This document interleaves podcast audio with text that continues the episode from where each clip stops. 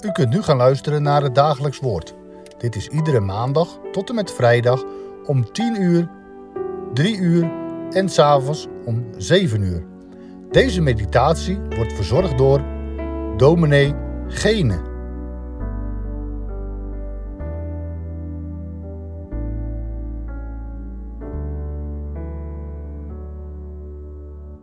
Aan het begin van een nieuwe serie, het dagelijks woord, verzorgd door de predikanten van onze hervormde gemeente, mag ik u allereerst God zegen voor het nieuwe jaar wensen. Vanuit mijn studeerkamer aan de Melkweg ben ik de eerste die deze serie opent.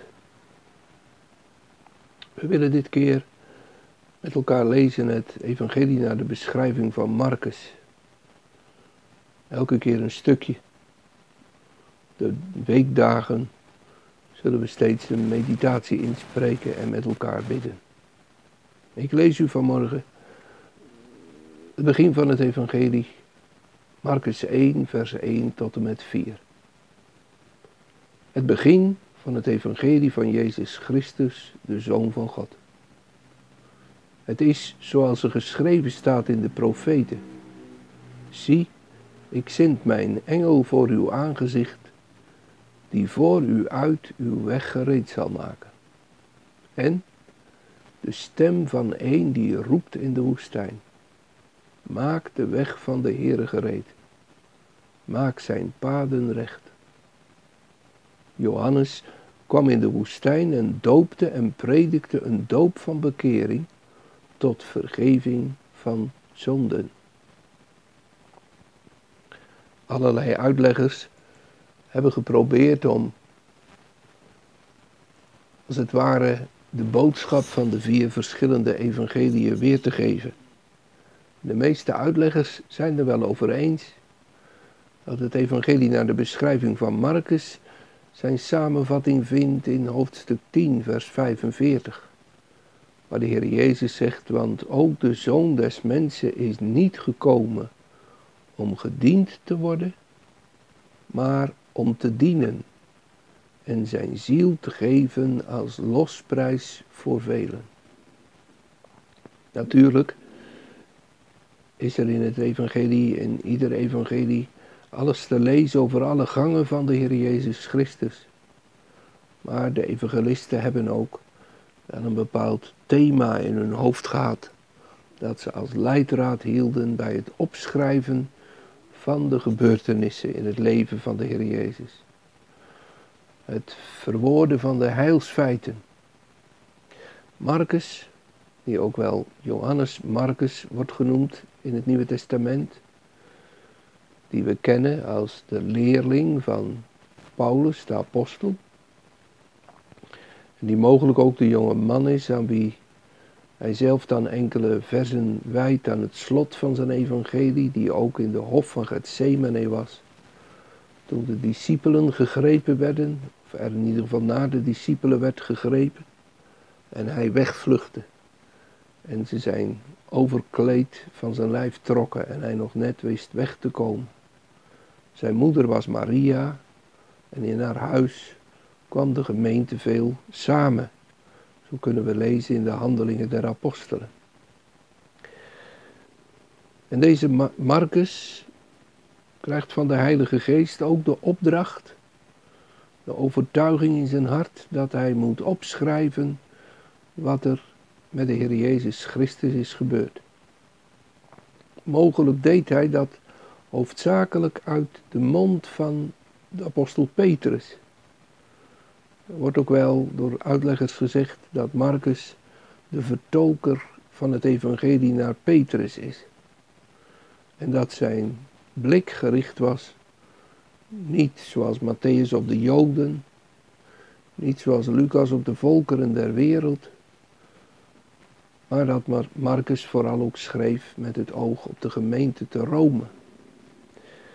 Maar hoe dit alles ook zij, we vinden in deze tekst, want ook de zoon des mensen is niet gekomen om gediend te worden, maar om te dienen en zijn ziel te geven als losprijs voor velen, als het ware het motto, het kenmerkende van dit evangelie.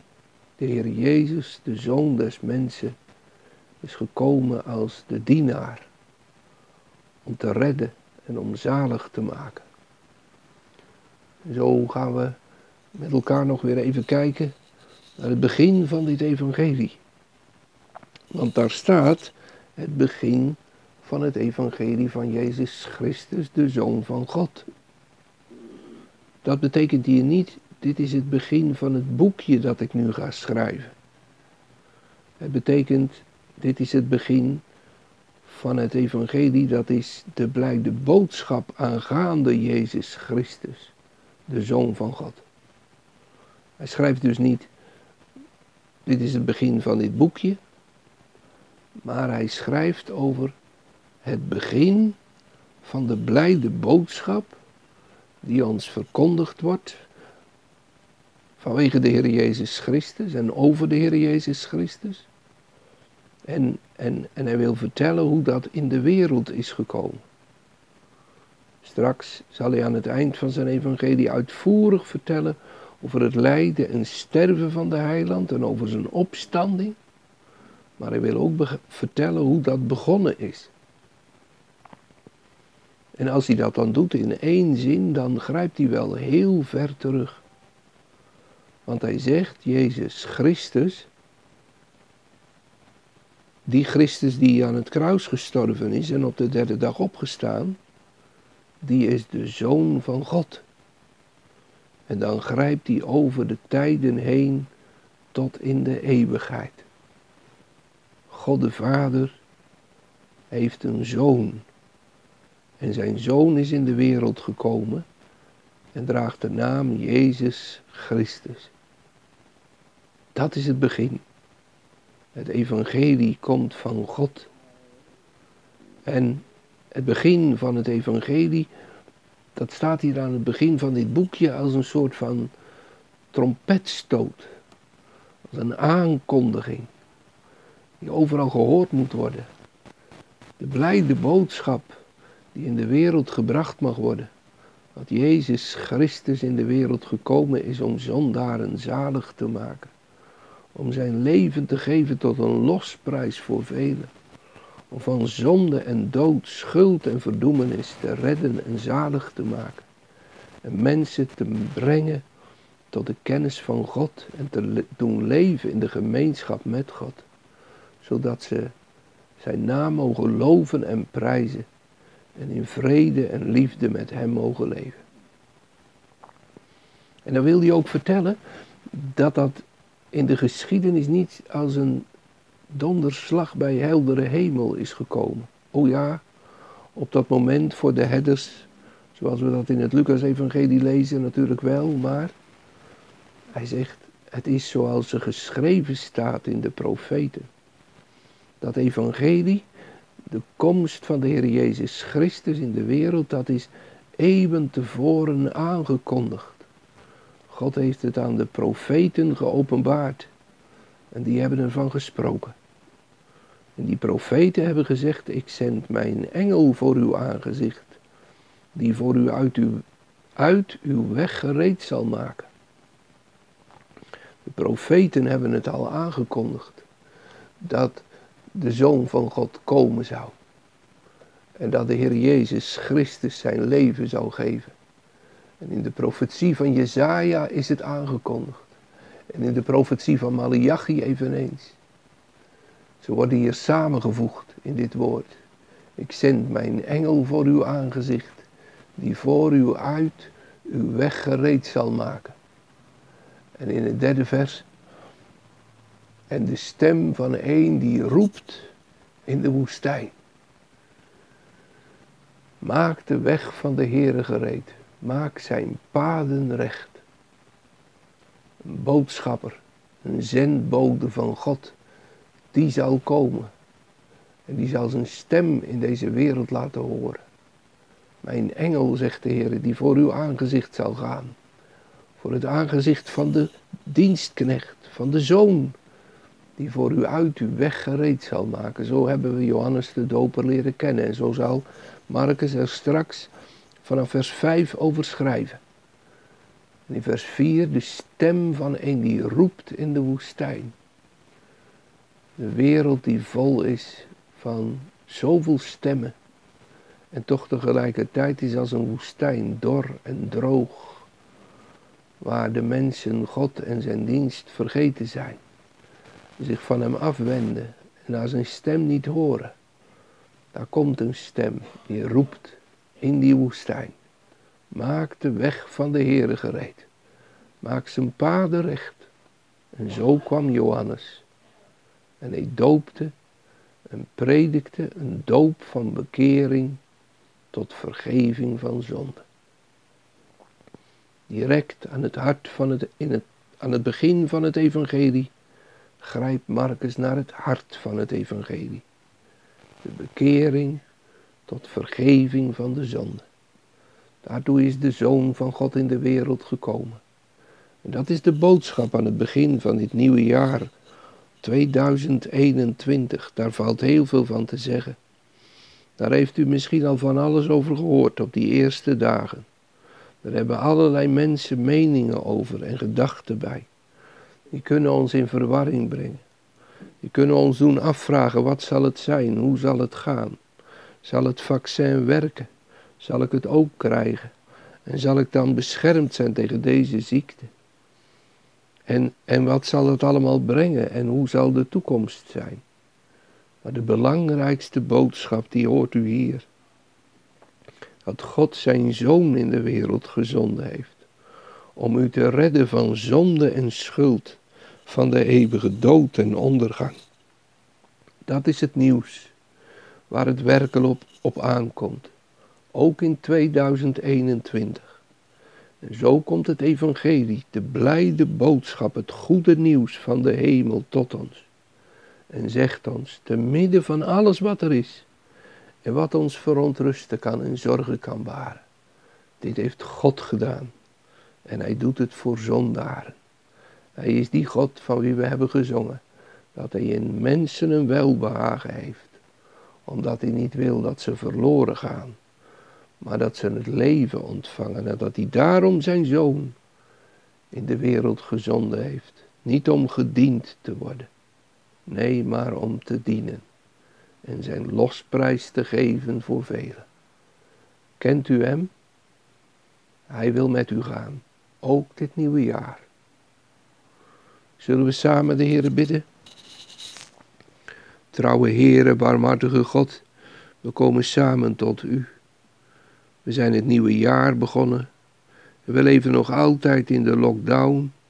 En het is bijna onmogelijk om samen te komen op wat voor plek dan ook.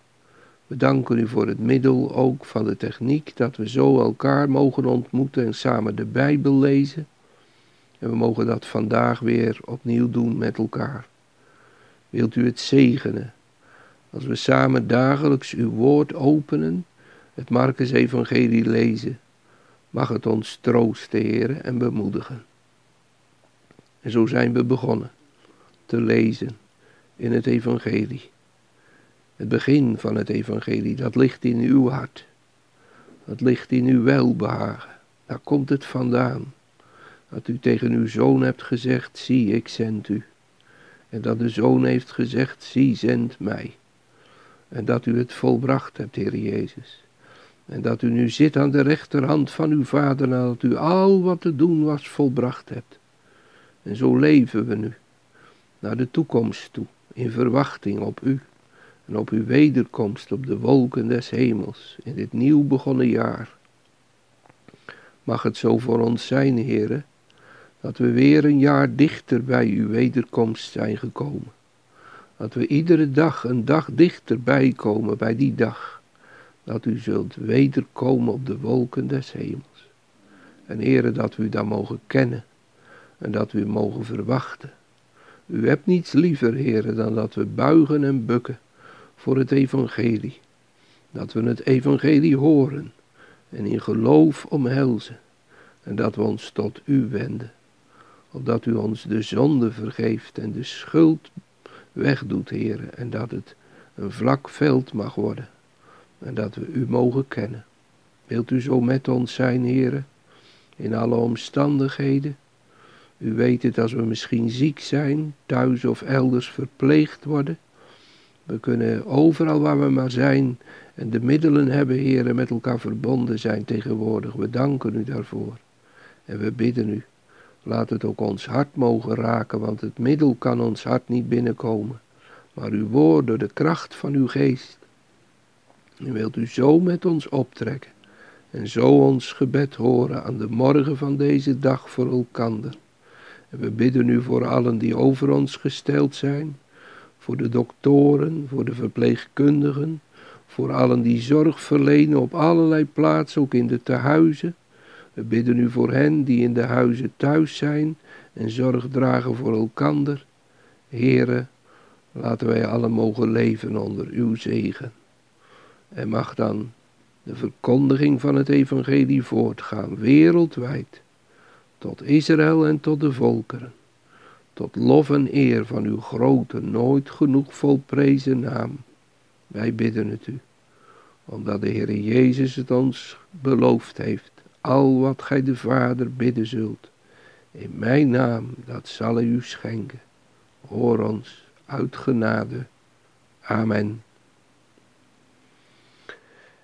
Ik wens u, wanneer op de dag u dit ook maar beluistert, een goede dag en tot een volgende keer. Morgen kunt u weer luisteren naar het vervolg over het Marcus-evangelie. Goedendag.